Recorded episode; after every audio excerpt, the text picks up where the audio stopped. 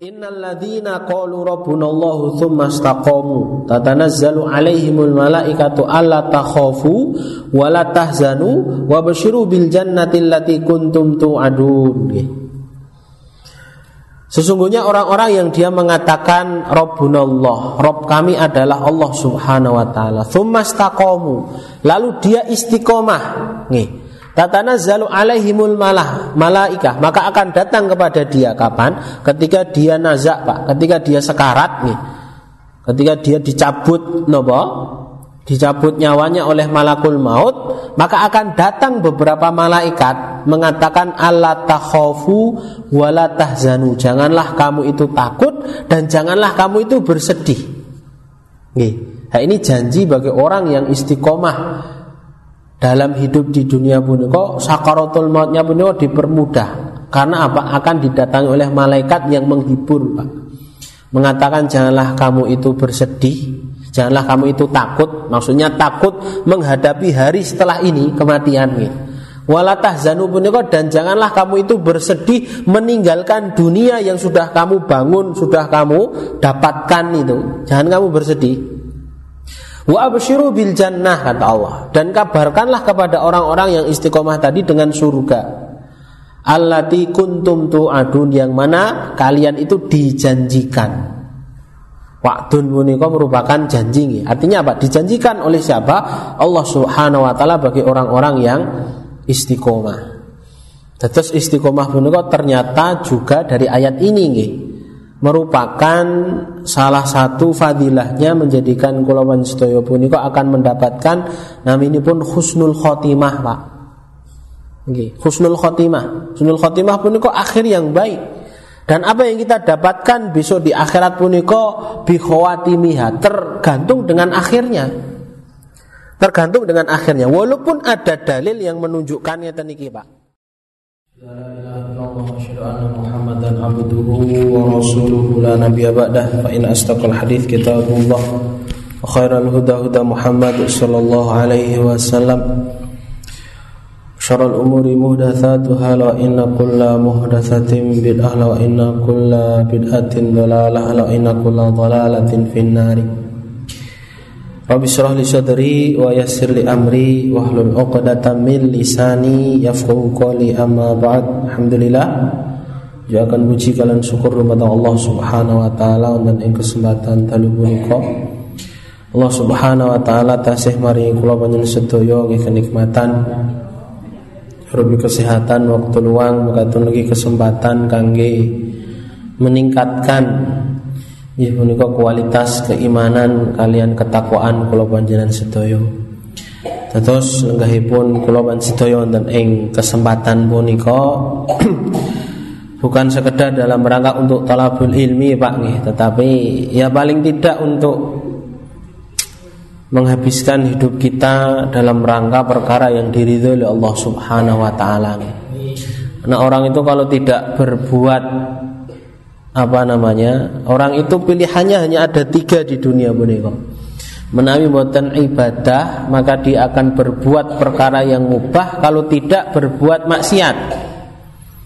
Tidak bisa lepas dari tiga perkara itu. Semua manusia itu menghabiskan waktunya dalam rangka tiga macam keadaan boneka entah dia ibadah entah dia melakukan perkara yang mubah atau entah dia itu bermaksiat kepada Allah Subhanahu wa taala. Maka orang yang paling beruntung ya punika ingkang menghabiskan waktunya punika untuk beribadah kepada Allah Subhanahu wa taala. Bahkan orang yang menghabiskan waktunya punika untuk berkawis ingkang mubah itu masih akan dihisap oleh Allah Subhanahu wa taala karena mubah punika tidak berdiri sendiri.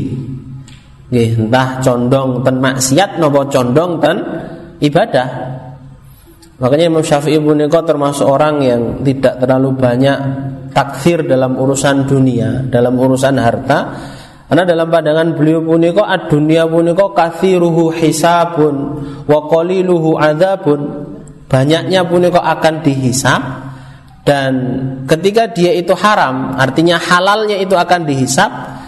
Tapi kalau dia mendapatkan dengan cara yang haram digunakan untuk perkara yang haram maka akan diazab oleh Allah Subhanahu wa taala.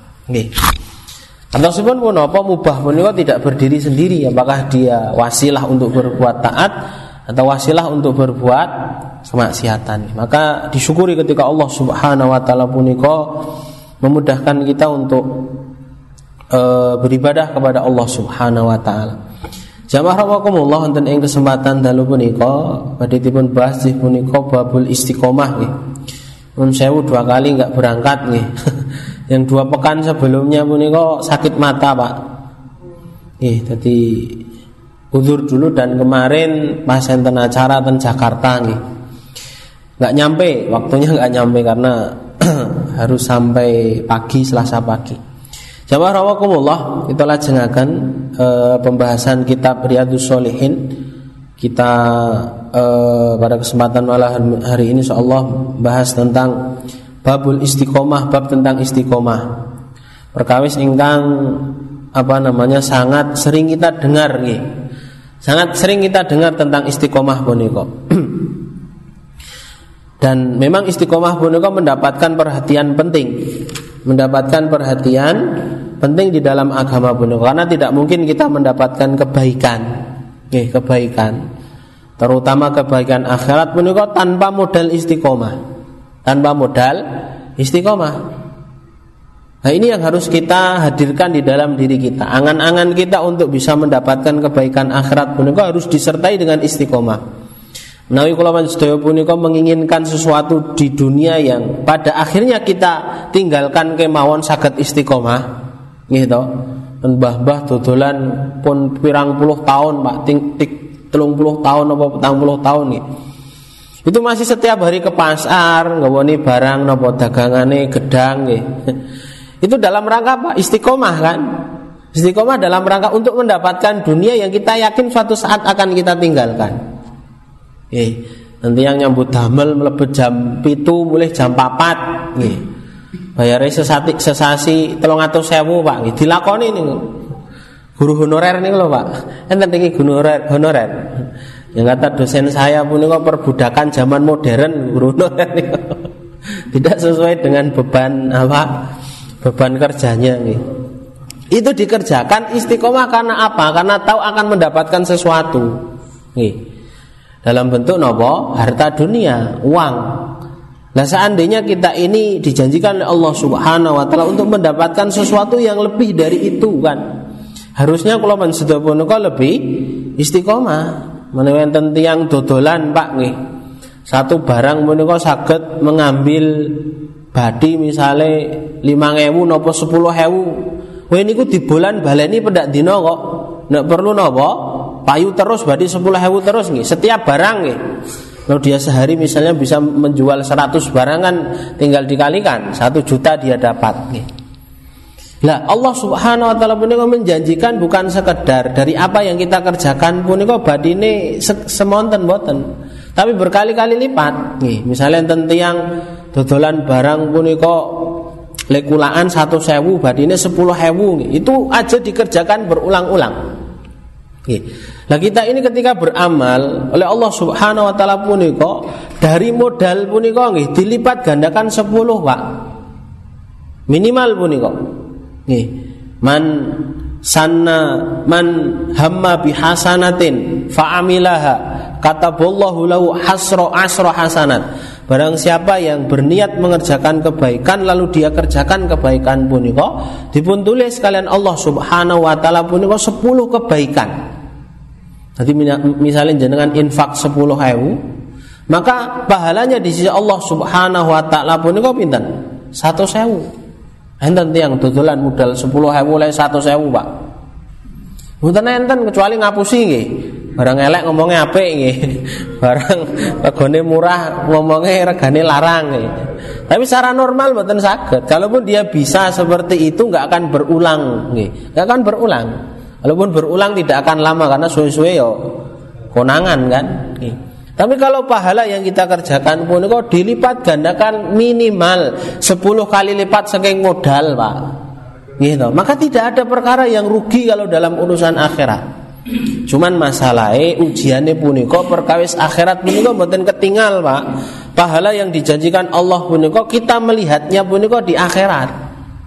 Di akhirat memang ada pahala-pahala atau ibadah-ibadah ingkang Allah Subhanahu wa taala punika balasipun kontan di dunia itu ada. Tetapi sebagian besar punika di akhirat.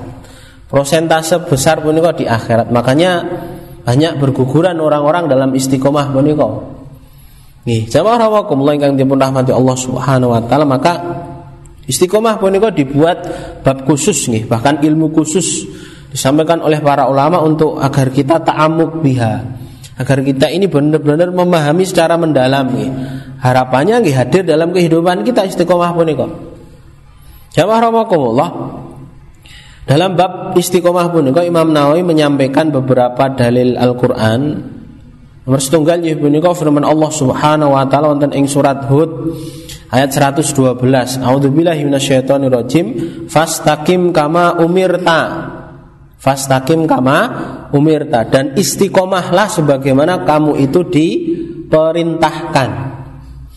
Nah, punika Allah Subhanahu wa taala ngendika kalian Rasulullah sallallahu alaihi wasallam agar Rasulullah punika istiqomah, agar Rasulullah sallallahu alaihi wasallam punika istiqomah. Tetapi hukum nopo perintah punika juga apa? Berlaku kepada umatnya Nabi Muhammad sallallahu alaihi wasallam. Walaupun yang diperintahkan Nabi tetapi umatnya juga terkena khitab puniko, terkena konsekuensi perintah puniko. Oke. Lah Nabi Muhammad Shallallahu Alaihi Wasallam kemauan orang yang sudah dijamin masuk surga, pak. Nabi puniko maksum, nih, nggak akan pernah berbuat dosa. Kalau berbuat salah bisa. Maksum puniko bukan berarti tidak pernah salah. Maksum puniko tidak pernah berbuat dosa, nih. Karena tidak semua kesalahan puniko akan dianggap dosa. Rasulullah menyampaikan rufi'atil rufi'an ummati salah akan diangkat dari umatku itu tiga perkara. Nih, kalau melakukan dosa karena melakukan kesalahan karena tiga perkara pun maka tidak ditulis sebagai dosa. Nggih punika napa? Annaim hatta. Terus menawi enten tiyang punika tidur dia melakukan perbuatan dosa, nggih. Maka napa? Tidak dianggap dosa. Nggih, turu nglindur misuh-misuh, Pak. Dosa mboten? Mboten. Walaupun le misuh-misuh sama orang tuanya misalnya. Jadi mangkel diambet misalnya awane disengeni, Pak, gitu. Terus terbawa di mimpi, dia muring-muring misuh-misuh gitu. Lah sama orang tua pun kok lah kok misuh-misuh. Mengatakan ufin saja termasuk perbuatan dosa. Walatan haruma apalagi membentak nih.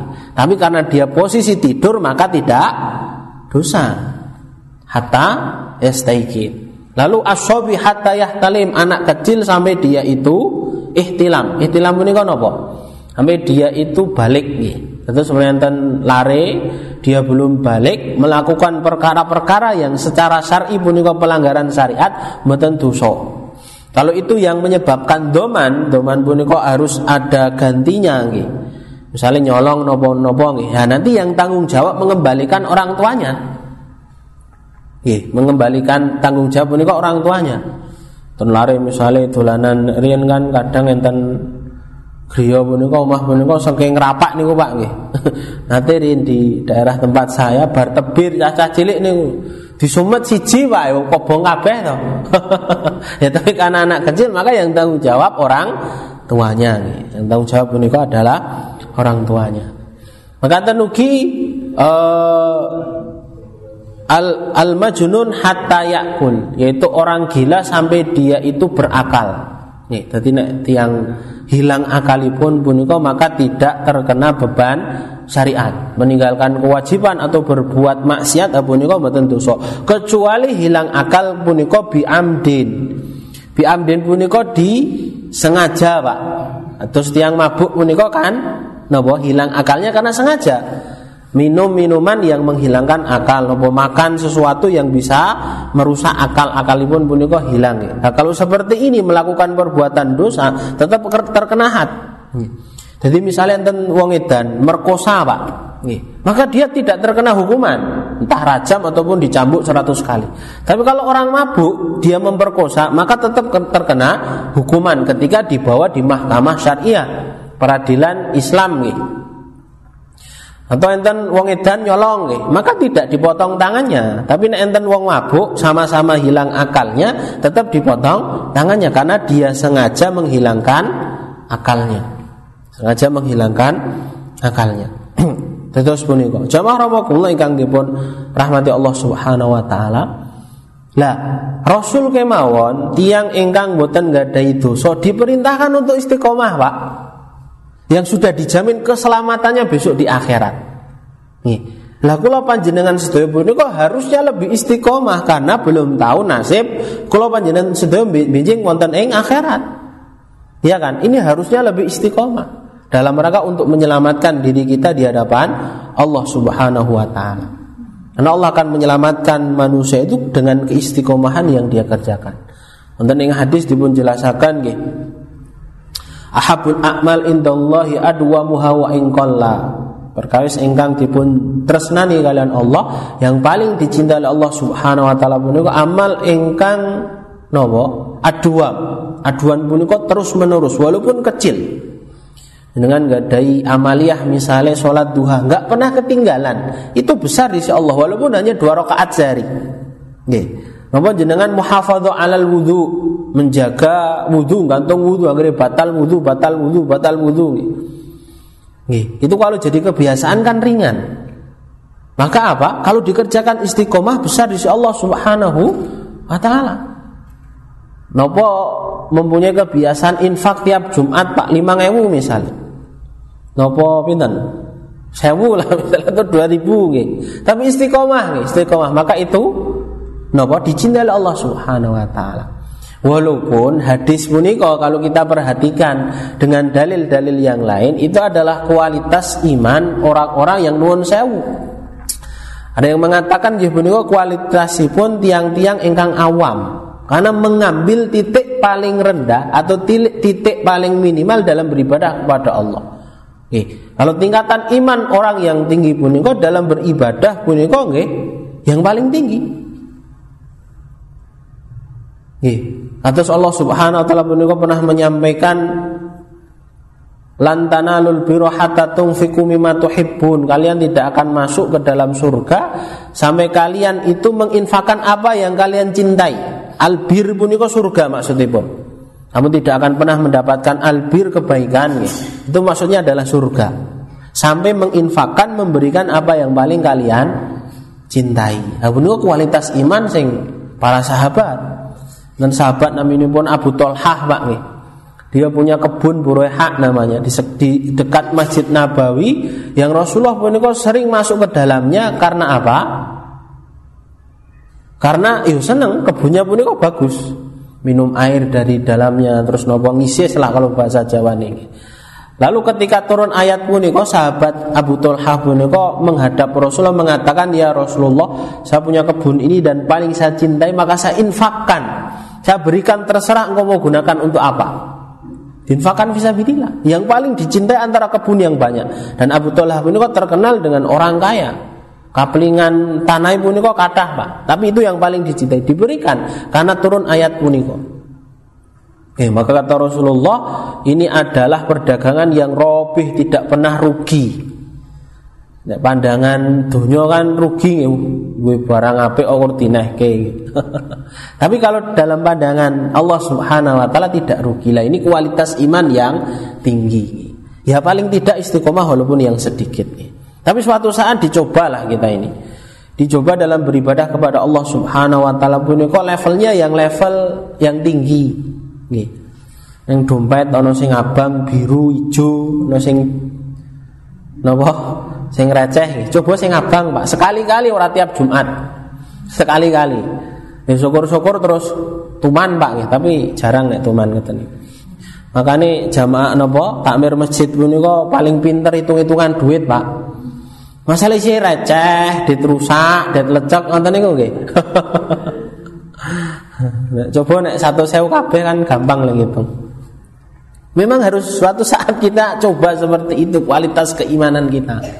Nggih. Jamaah rahimakumullah kang dipun rahmati Allah Subhanahu wa taala punika dalil pertama. Fastaqim kama umirta. Nah punika dipun jelasaken al khitab hunalin nabi. Jadi Allah berbicara di sini dengan Nabi wal khitab al muajjah lir rasul yakunu lahu li ummatihi. Walaupun yang diperintahkan pun konten ayat pun adalah rasul tetapi yakunu lahu li ummatihi. Konsekuensi hukumnya, konsekuensi perintahnya punika juga kepada umatnya. Illa idza qama dalil ala annahu khos bihi fa innahu yahtasu bi. Kecuali ada dalil yang menunjukkan tentang suatu amalan punika khusus bagi nabi. Seperti misalnya puasa wisol, Pak puasa dahar, puasa wisol. Kula sedaya kan mboten nangsal, nggih to? Puasa terus-menerus tanpa henti. Ya kan? Puasa terus-menerus tanpa henti. Apa niku mboten angsal. Tapi kalau Rasulullah mengerjakan karena belum mendapatkan khususia, kekhususan. Ya kan? Kata Rasulullah, saya ini diberikan makan oleh Robku. Kalau kita ya mboten. Kalau kita kan buatan. Nah, ini juga menjadi dalil bila menaikkan tiang punikon poso berturut-turut tanpa ada sebab di situ sebab misalnya dia melakukan dihar, ngertos Pak dihar. Dihar puniko mengatakan kepada istrinya anti kadohri ummi. Kamu itu seperti punggung ibuku. Maksudnya pun kamu itu haram untuk saya gauli. Nah itu ada konsekuensinya. Kalau zaman dulu sebelum turun ayat mujadilah, hukum Nopo zihar puniko seperti hukum tolak. Jatuh talak. Jatuh talak. nggak boleh kembali kecuali sudah rujuk nih, harus ada saksi. Kalau mentalak kan nggak nggak harus ada saksi, tetapi kalau mau rujuk harus saksi. Kecuali sudah talak bain, sudah talak yang ketiga. Namun itu boleh nopo dinikahi lagi, rujuk lagi kecuali sudah menikah dengan orang lain setelah itu bercerai. Nih, setelah itu nopo bercerai baru boleh dinikahi. Nah kalau orang dihar puniko setelah turun ayat mujadilah jenengan mau wonten ing surat Al-Ahzab tafsiripun itu dijelaskan itu di awal ayat awal-awal ayat puniko. Nggih. Puniko hukumannya kan tiga. Nggih. Dia puasa apa? Membebaskan budak menawi mboten puasa dua bulan berturut-turut kalau tidak nopo memberikan makan 60 orang miskin. Nggih. Atau orang yang makan di bulan Ramadan non sewu, orang yang dia berhubungan suami istri di bulan Ramadan sengaja. Nih, di siang hari, mboten di malam hari kalau di malam hari malam hari menika mboten enten. Artosipun mboten mboten masalah kalau di malam hari.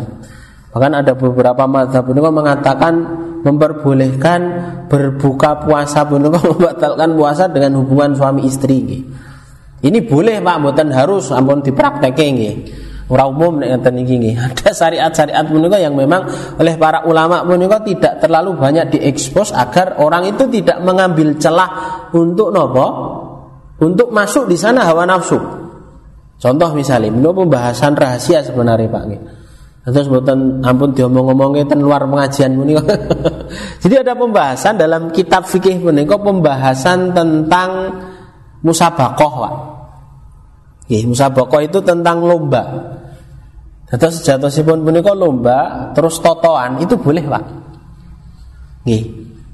Jadi misalnya lomba gulat nih, gelut mungkin nopo pakai duit nih, sing menang oleh yang menang nanti dapat itu boleh tapi harus dijelaskan ini tidak banyak dibahas oleh para ulama agar jangan di salah gunakan. Kalau sekarang kan golek badi kan tujuannya. Tapi musabako itu diperbolehkan dalam rangka untuk ikdat lil jihad. Persiapan untuk berjihad. Dalilnya pun apa? Pernah Rasulullah Shallallahu Alaihi Wasallam punika ketika mau berjihad pak, itu ada dua anak masih kecil. Apa ini daftar kalian Rasulullah? Nih, tapi Rasulullah ini cah cilik ini repoting ngonek jihad. Tapi karena kemauan mereka, saking kecilnya pun nih kok dia bawa pedang pak di sarung. Itu kleser lemah pak. Jadi pedangnya karo wonge punika dawa pedangnya pak. Itu minta izin sama Rasulullah untuk ikut berjihad. Kata Rasulullah jangan kamu masih kecil. Gitu. tapi ngotot berdua. Akhirnya oleh Rasulullah Shallallahu Alaihi Wasallam punika nopo disuruh untuk perang tanding. Kon gelut pak. Nanti yang menang yang menang boleh ikut berjihad. Lah kalau ikut berjihad itu juga mendapatkan keuntungan secara finansial. Ya kan? Jadi para sahabat Nabi Buniko ketika berjihad hartanya banyak, Pak. Pertama dari ghanimah. Ya kan? Yang kedua dari fight. Fight itu apa? Nih, fight itu bukan rampasan perang. Kalau rampasan perang itu ketika berperang ada kuda, ada pedang, ada harta macam-macam gitu selesai berperang, nah itu namanya apa namanya ghanimah. Kalau fa itu apa? Fa itu ketika menyerang suatu tempat berjihad fisabilillah, penduduknya pergi. Ini harta milik orang kafir yang dia kafir harbi, Pak. Harbi harbi itu kafir yang memerangi kita. Terus buat sal jenengan menerapkan fa ini bukan di kafir harbi. Ya kan? Jenengan dua tonggo Kristen misalnya.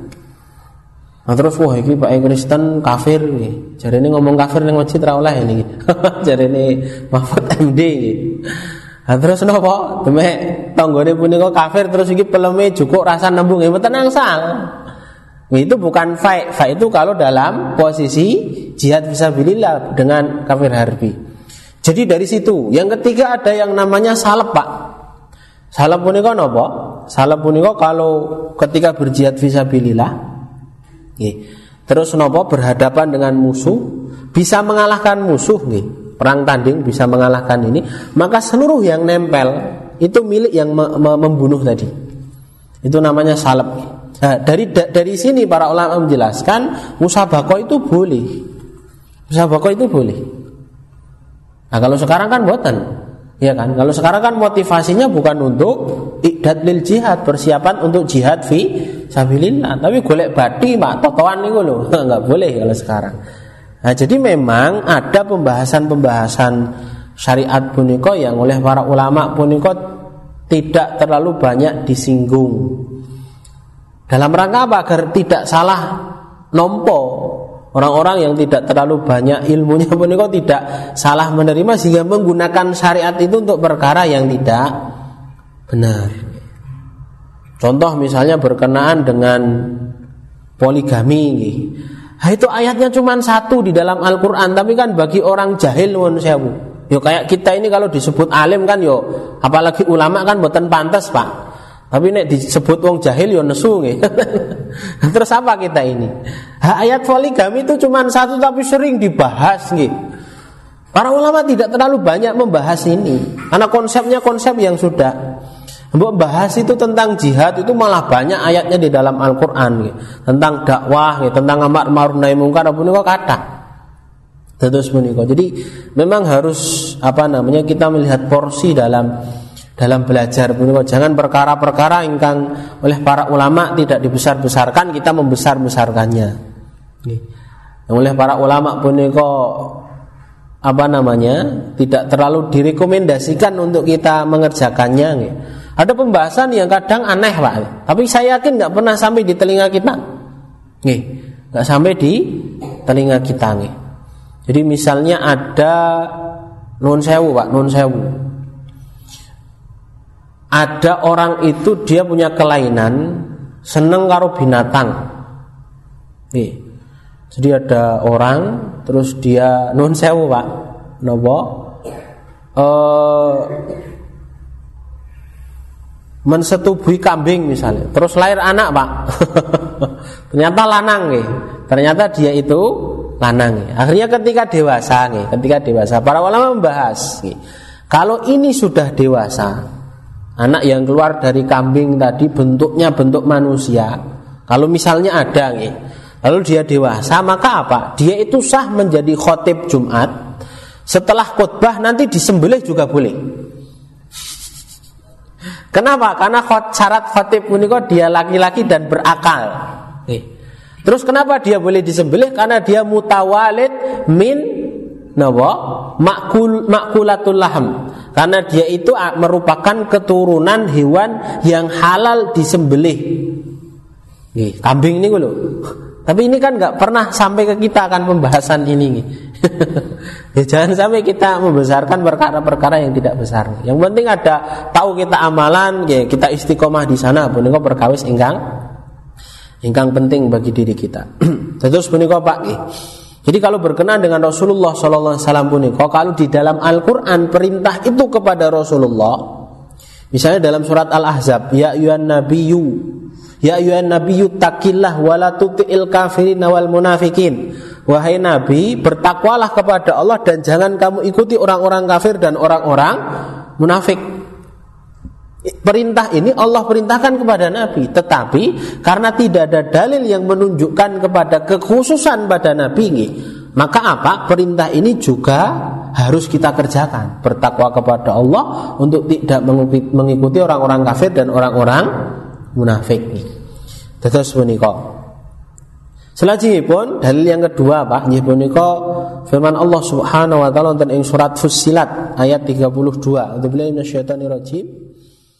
Innal ladzina qalu rabbuna Allahu tsumma istaqamu tatanazzalu alaihimul malaikatu alla takhafu wa la tahzanu wa basyiru bil jannati allati kuntum tu'adun. Sesungguhnya orang-orang yang dia mengatakan Rabbunallah, Rabb kami adalah Allah Subhanahu wa taala. Tsumma istaqamu, lalu dia istiqomah.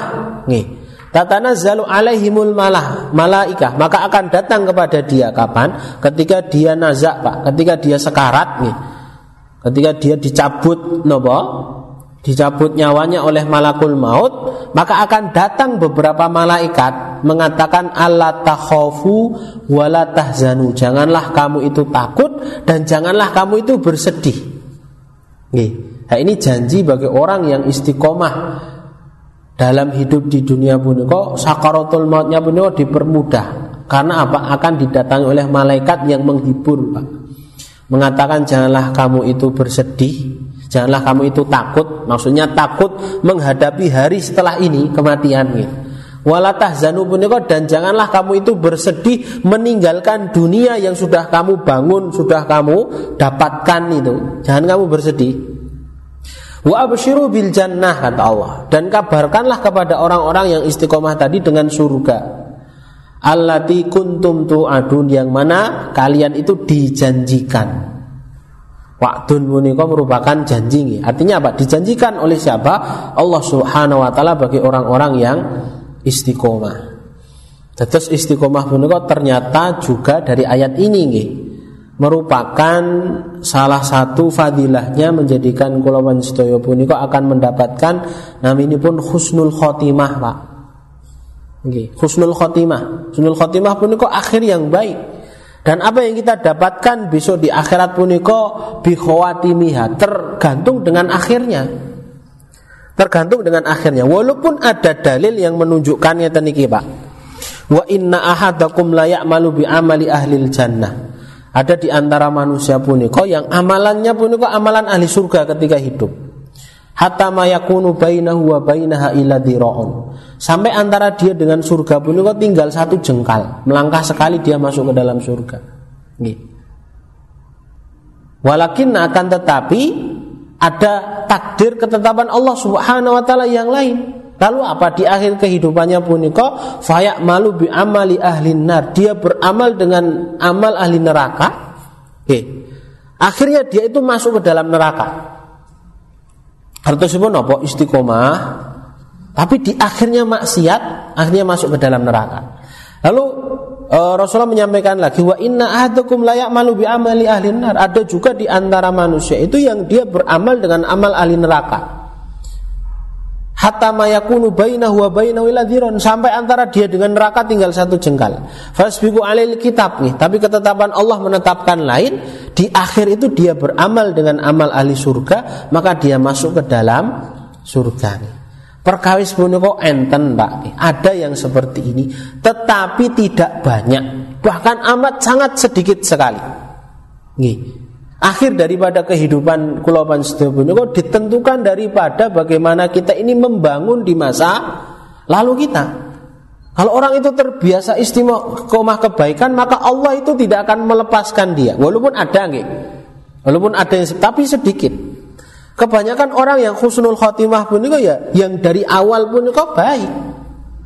Dan orang yang suul khotimah pun itu ya karena dari awalnya pun itu ada Perkawis-perkawis ingkang boten dipun ridhoi kalian Allah Subhanahu wa taala. Jadi kalau boleh kita mengandalkan jangan andalkan hadis tadi. Toh nyatanya enten kok nih.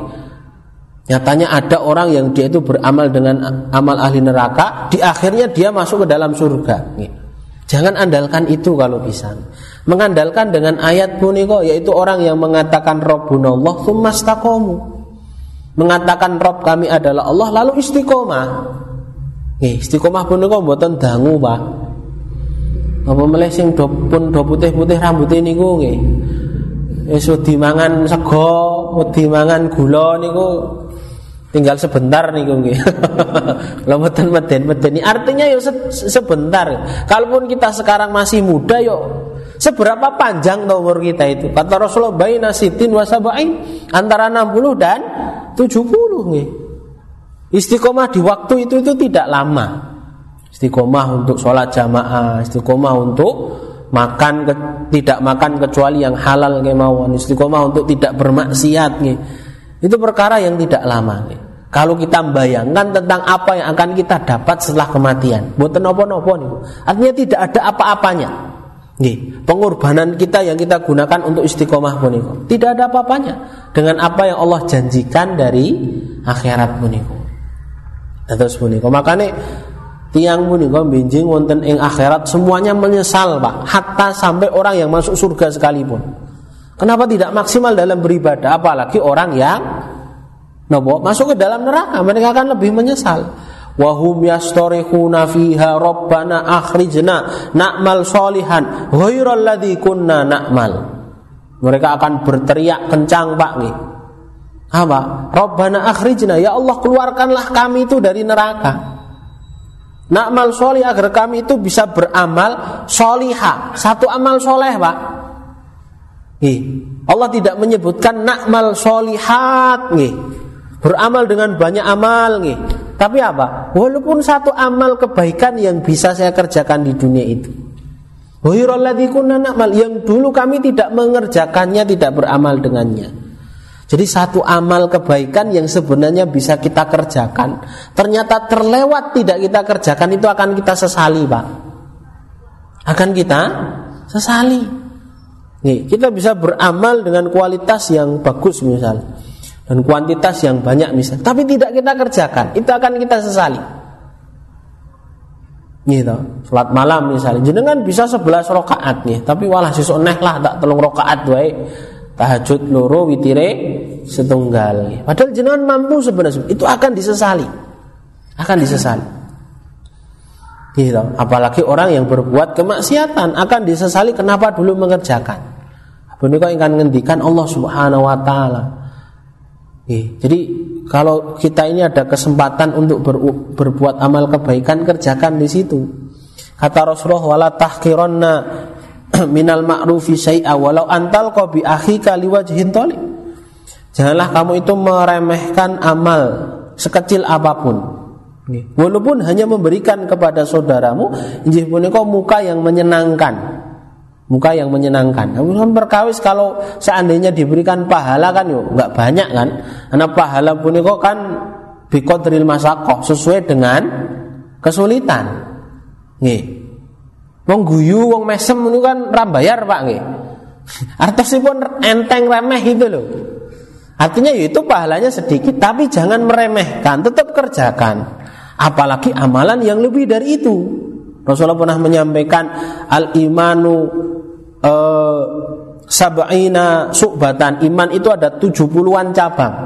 Nih, a'laha qaulu la ilaha illallah. Yang paling tinggi punika La ilaha illallah wa adnaha imatatul adza anitorik. Yang paling rendah punika menyingkirkan gangguan dari jalan. Tentu jenengan mampah misalnya enten watu enten apa menika disingkirkan. Itu tanda iman yang paling rendah. Amalan dari keimanan, bukti keimanan yang paling rendah. Nggih. Kan perkawis yang yang mudah sebenarnya. Maksudnya malah do digawe napa? Polisi tidur ya, apa nih pun hukumnya Pak nih. Padahal ada dalil untuk kita menyingkirkan dari jalan nih. Pripun niku hukumnya? Menentang hadis nih. ya, kalau dalam langkah maslahat, maslahat misalnya enten kasus Pak. Wong ngebut terus nabrak bocah ya mungkin nggak apa-apa lah untuk itu. Tapi nggak ampun kebangetan nih per 5 meter dina ini ku nggih. Kan ganggu nek ngoten niku Pak nggih. Dados menika nggih. Jamaah kula ingkang dipun rahmati Allah Subhanahu wa taala. Dados menika kabar baik bagi orang yang istiqomah akan diberikan husnul khotimah. Akan diberikan husnul khotimah, bukan suul khotimah. Yang ketiga, beliau sampaikan nonton ing surat Al-Ahqaf ayat ke-14, 13 14, A'udzubillahi minasyaitonir rajim. Innalladzina qalu rabbuna Allah tsumma istaqamu fala khaufun 'alaihim wala hum yahzanun ulaika ulaika ashabul jannati khalidina fiha jazaa'an bima kanu ya'malun. Orang-orang yang dia mengatakan Rob kami adalah Allah. Lalu istiqomah maka tidak ada ketakutan atas mereka dan tidak ada kesedihan.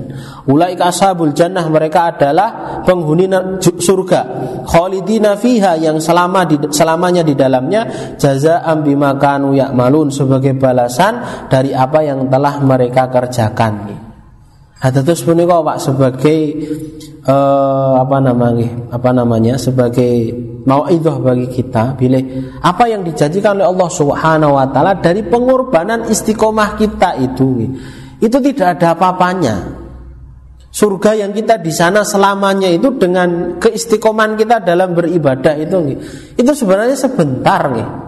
Makanya kita harus istiqomah karena balasnya begitu sangat besar dan masanya pun itu selamanya. Makanya Rasulullah kan pernah mengatakan, La tadkhulunal jannata bi a'malikum. Kalian itu tidak akan pernah masuk ke dalam surga karena sebab amal kalian. Fakaifa anta ya Rasulullah nih. Bagaimana dengan amal jenengan ya Rasulullah? Sampai amalku saja itu tidak layak memasukkanku ke dalam surga. Ya, ada pensarah hadis pen, uh, orang yang menjelaskan tentang hadis bin Maksudnya pun pun apa? Amal yang kita kerjakan di dunia ini setinggi apa pun, sebanyak apa pun, sesering apa pun, itu kalau ditukar dengan surga, ini kok jauh pak? Nggih, jauh sekali. Misalnya surga yang fasilitasnya pun kok luks pak, pengen mangan pun kok dikedepi teko pak. Nggih, yang fasilitasnya lebih dari hotel bintang 5 misalnya jenengan ten hotel bintang 5 niku semalam pinten Pak Nek ten pun niku tentrem niku kan yang bintang 5 di Jogja itu. Itu satu setengah sampai 2 juta satu malam. Kalau yang presiden suite, presiden suite itu paling tinggi Pak itu ya bisa 10 15 juta lah. 10 15 juta kemawon itu nikmatnya belum ada apa-apanya di surga. Lah kula panjenengan sedaya ya infak sing letek kuwi mau ngarep-arep surga, Bang. Itu kan kalau ditukar dengan fasilitas surga itu kan nggak ada apa-apanya kan? Apalagi amal kita yang nun sewu sholat aja lima kali sehari gitu. Lima kali sehari Nabi Musa ini kok seribu rakaat dalam sehari pak Artinya apa pun amal yang kita kerjakan Sebanyak apa pun amal kita itu sebenarnya nggak layak gitu loh Kalau ditukar dengan surga Cuman masalahnya dengan banyaknya amalan itu Allah akan memberikan keridoan pada kita. Jadi yang menjadikan kulopan setiap yang masuk ke dalam surga bukan sekedar amal kita, tapi keridoan. Lah masalah ridho Allah punika boten bakal kulopan setiap punika mendapatkan kecuali dengan istiqomah dalam beramal tadi. Nah hitung-hitungan bakul ngoten niku Pak. Jadi akan menjadikan kita itu tahu diri lah Dungone surga ora mandek-mandek Pak ngewedi kalih neraka, tapi amal kita kalau dibandingkan dengan janji Allah surga itu kan nggak ada apa-apanya. Maka tidak ada alasan kita untuk tidak istiqomah. Gurkon istiqomah Pak, gampang toh. Gampang le ngomong le nglakoni angel nih gedang mau pakel jari Tapi ini bukan pilihan. Allah nggak memberikan pilihan. Maka kalimatnya kalimat perintah. Nih, kalau pilihan ini silakan istiqomah atau tidak terserah tidak. Allah memerintahkan kita untuk istiqomah.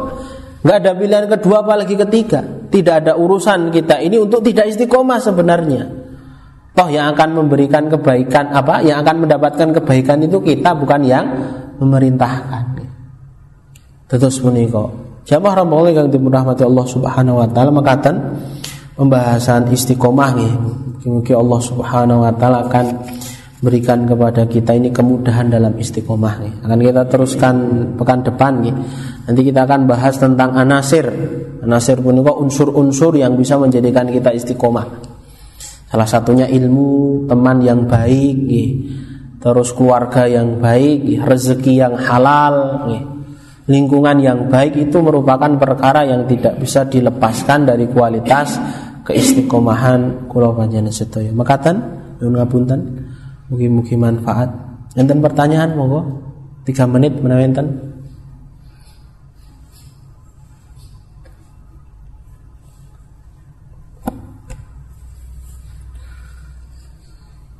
Boten? Napa kula sing tanglet?